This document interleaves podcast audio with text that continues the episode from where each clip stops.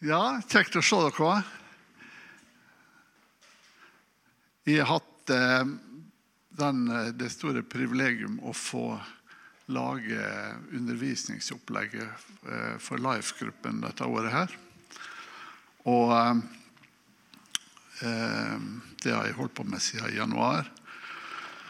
Og skal fortsette til høsten. Og det er, det er veldig kjekt. Det er krevende, men det er kjekt. Det, skal du lage et sånt opplegg, så, så må du lytte til Gud. Og eh, noen ganger så føler jeg at hver undervisning det er omtrent som å gå gjennom en fødsel. Det, det ja, det, det, krever litt, men det er òg et veldig privilegium. Så i dag så har jeg tenkt å bare se litt tilbake. Den, det opplegget vi har hatt, det har vært en slags reise gjennom Bibelen. Eh, er, Bibelen, Bibelen, er jo det er jo ei tjukk bok. Boka, boka, her er på 1400 og noen sider. Sånn at eh, Vi må på en måte trekke litt essensen ut av denne boka her for å få, få tak i det som Gud har for oss. Og Det er det vi prøver å gjøre i Life-gruppa og det studieopplegget. Og jeg, kalte det en reise gjennom Bibelen. Vi har sett på forskjellige ting i, fra starten av, fra skapelsen. Vi har sett på syndefallet, vi har lest om vannflommen og hvorfor Gud måtte sende den. Og vi har sett på Abraham, som eh, Gud sa skulle bli et stam, stamfar til et stort folk. Og så ser vi at det havna i Egypt, og så måtte Moses på banen for å få dem ut av Egypt. Og så eh, har vi sett på David, som eh, var både konge og han var salmedikter. Vi har sett på profetene og deres rolle, og veldig mange, mange ting. Eh, vi har sett på, Av profetene så har vi sett spesielt på Jesaja, for der står det veldig mye om Jesus. Jesaja han så jo inn i framtida og profeterte om Jesus. Og Det aller siste vi hadde, det er jomfrufødselen som eh, var et viktig ledd i Guds frelsesplan. Så nå har vi bevega oss framover. Nå har vi kommet til Det nye testamentet, nye pakt. sånn at fra høsten nå blir det, blir det der vi skal oppholde oss. Men eh, spørsmålet jeg stilte meg sjøl når jeg skulle eh, forberede noen ord til i dag, er hva, hva er liksom fellesnevneren for for historien vi har eh, lest. Hva er fellesnevneren om skapelsen? Liv Elinor var inne på det. Gud skapte Adam. Så det første han møtte, var blikket til Gud.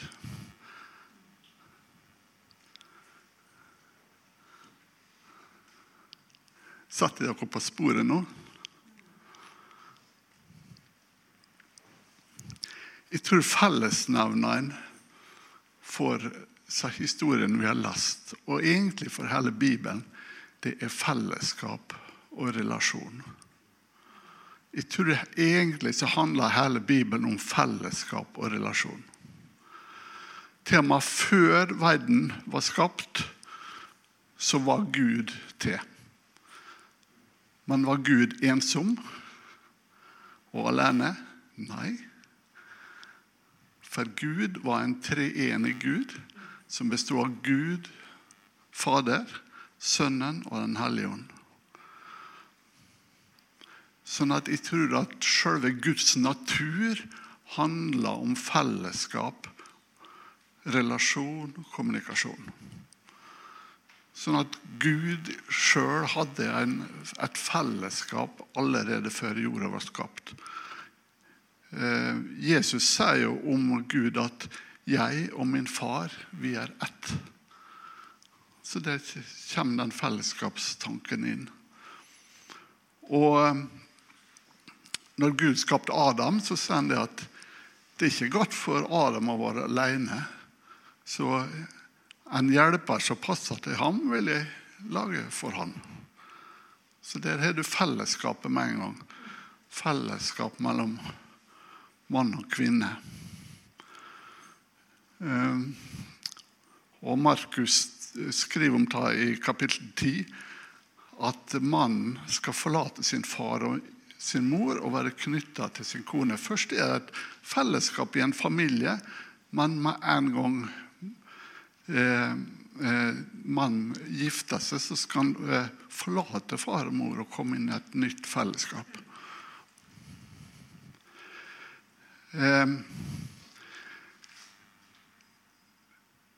I hagen Edens hage så hadde jo Gud fellesskap med Adam og Eva. Det, om kvelden når det, når det, ble litt kjølig, så virka det som de hadde et, et møtepunkt. At de møttes i hagen. Og, og eh, til etter syndefallet så så kommer Gud for å ha fellesskap med deg. Det, det står i eh, Første Mosebok 3, kapittel, nei, kapittel 3, vers 8 og 9. Da de hørte lyden av Herren Gud som gikk omkring i hagen på den svale tiden av dagen, og Adam og hans kone gjemte seg for Herrens ansikt mellom trærne i hagen, da kalte Herren Gud på Adam og spurte ham, 'Hvor er du?' Så Gud var interessert i fellesskap sjøl om mennesket var falt i synd, faktisk. Men djevelen prøvde å ødelegge det fellesskapet. Og til en viss grad så lyktes han, men ikke helt. Og Jesus har gjenoppretta det, det vet vi. Hva sier Jesus om Guds relasjon? Han Jesus sa det at dette er det evige livet, at de kjenner deg, den eneste sanne Gud, og Jesus Kristus, Han som du har utsendt. står Det i Johannes 17, 3.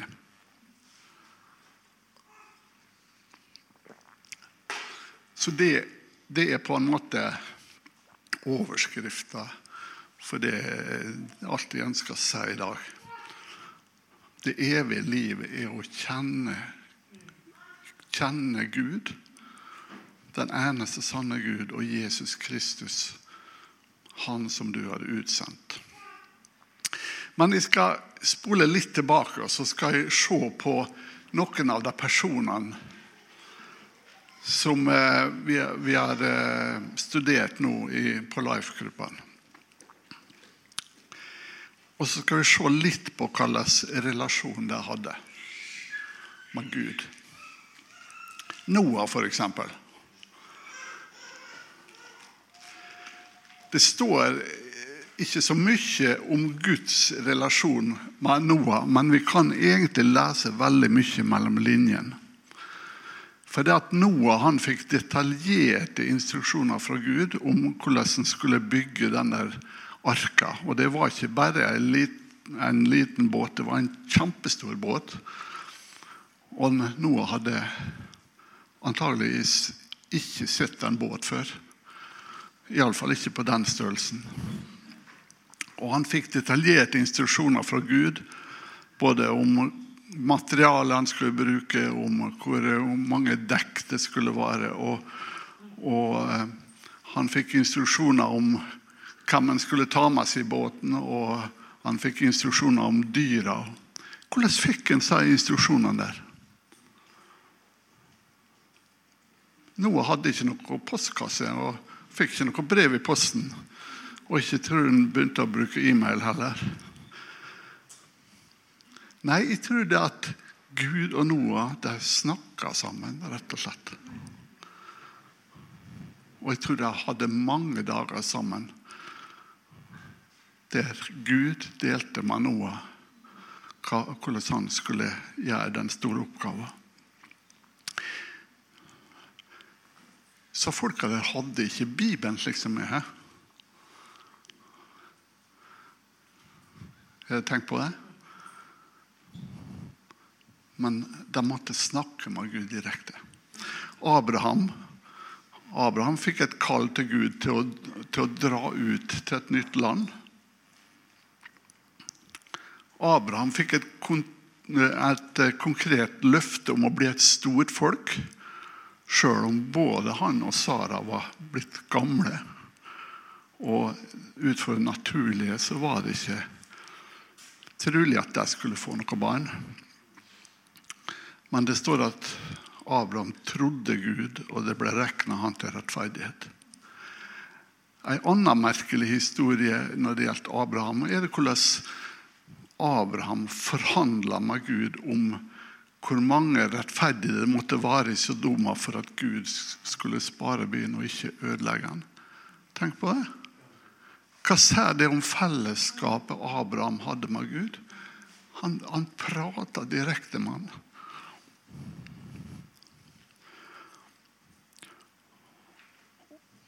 Og så fikk de til slutt sønnen Isak. Og så ber Gud om at Abraham skal ofre den. Og Abraham var villig. Hva sa det om hans gudsrelasjon? Den måtte være veldig sterk. Hebreabrevet sa det at Abraham han, han eh, regna med at Gud var så mektig at han kunne reise Isak opp fra de døde.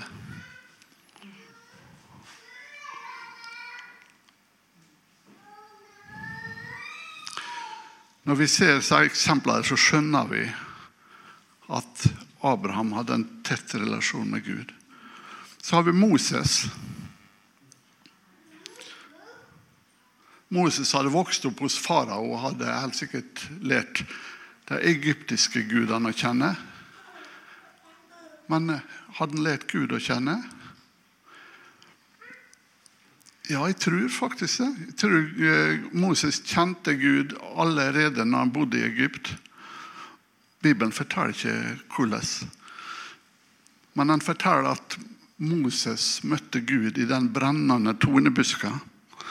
Og det ble et avgjørende møte for, for uh, for Moses og, og styrka gudsrelasjonen hans.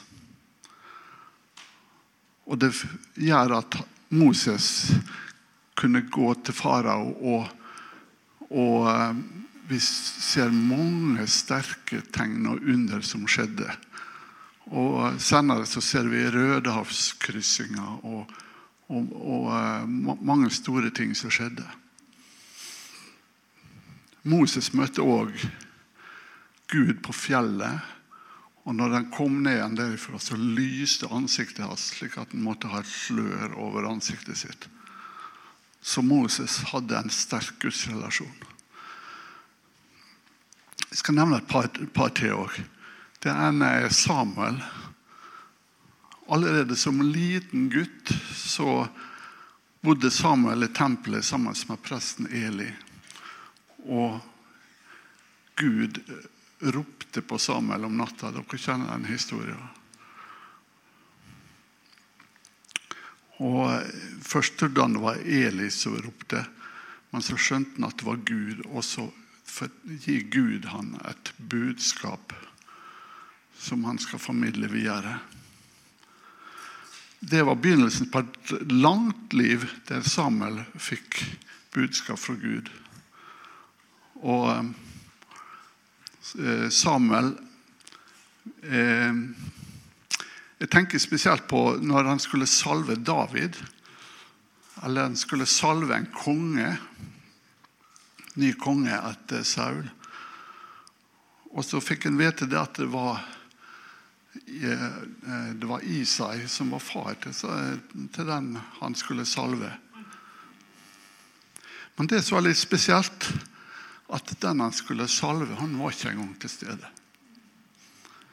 Men Isai hadde stilt opp de sju sønnene sine på rekke og rad. Og Moses lot den ene, nei, Samuel lot den ene sønnen etter den andre gå forbi seg. Og Da var Samuel i stand til å høre Gud så tydelig at han sa nei, det var ikke han. For så neste. Nei, det var ikke han. Til slutt så var alle sønnene Det var ikke flere igjen. Og da sa Samuel nei, det er ingen av dette. Kan, har du flere sønner?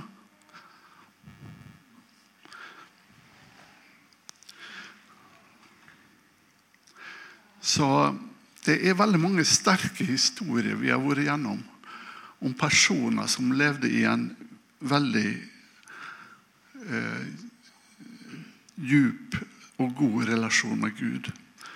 David er jo et annet eksempel. Eh, Saul han var jo ikke Saul var på en måte unntaket. Saul var ikke en mann som hadde en god gudsrelasjon.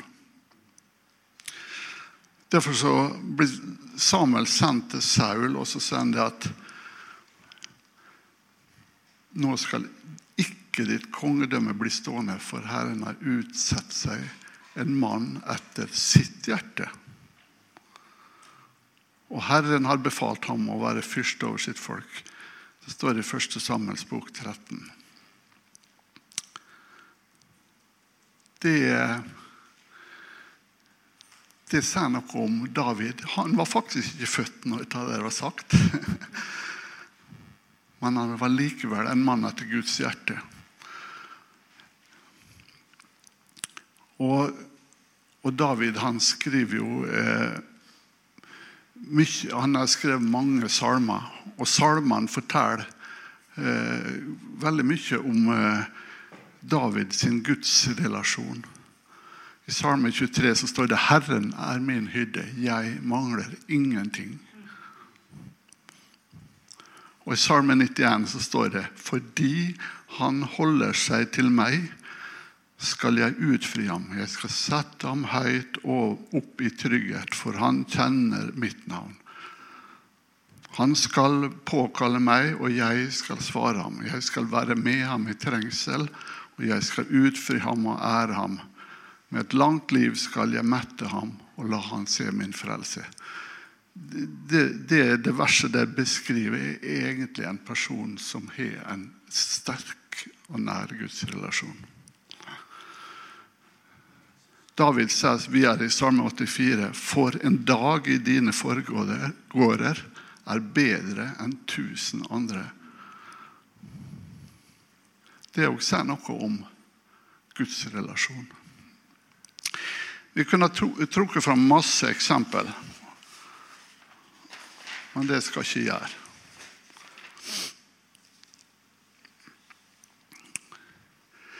Men hvorfor snakker jeg så mye om, om Guds relasjon? Jo, det er nettopp det som står i Johannes 17,3, at dette er det evige livet, at de kjenner deg, den eneste sanne Gud, og Jesus Kristus, han som du har utsendt. Det er jo det som er å være kristen. Det er det som er å leve med Gud og ha en sterk og nær relasjon eh, til Han.